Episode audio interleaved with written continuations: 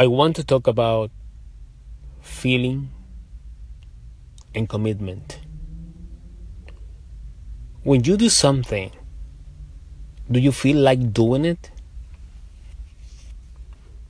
Or are you committed to doing it? There is a difference. And people get confused most of the time when they say, I love this, I want this, that's my passion, I, I feel like doing it. But it's too different. If you are feeling doing something, then you're committed to doing something. Because pursuing a dream, building your dream, building your business, building a family, is not about feeling. It's not like I I feel like doing this. I feel like having a family. I feel like building a dream because it's some feeling. You're feeling, but it doesn't mean that because you are feeling it, you're gonna do it. Remember this if you're going to build your business, if you are going to pursue your dream, you have to be committed to doing it. Commitment makes a difference because even if you like or you don't like, even you feel like doing it or you don't feel like doing it today, but you're committed to doing it. That's the difference. You don't wake up one day and say, you know, I feel like being a singer, I feel like being an an actor, I feel like being a writer. No.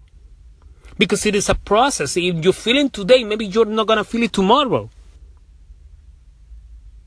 Remember that sometimes we have problems and, on a daily basis and we have families, we have problems with our family. But remember the family more than feeling like going with my family or like I feel like staying with my family. I am committed to my family. I'm committed to my business. I'm committed to my dream. Even if I feel like doing it today or I don't feel like, I will do it. I'm gonna do it. That's the difference. And being a leader, being an entrepreneur, being a, a family member, being the leader of an organization, pursuing your dream, it's not about feeling, it's about commitment. Commitment makes a difference. Commitment makes great leaders. It's the commitment to doing something every day, no matter what. Even if you face battles daily, daily battles, daily daily fights, uh, daily obstacles, challenges, controversies, conflict, pressure, struggles, you're not gonna never say, I don't feel like fighting today. I don't feel like facing this challenge today.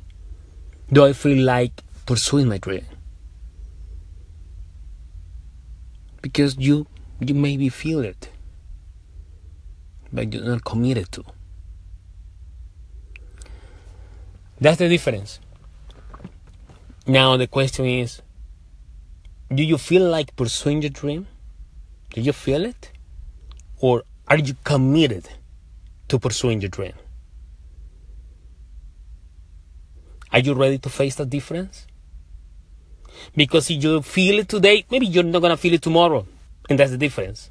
I'm committed to do it. Are you committed?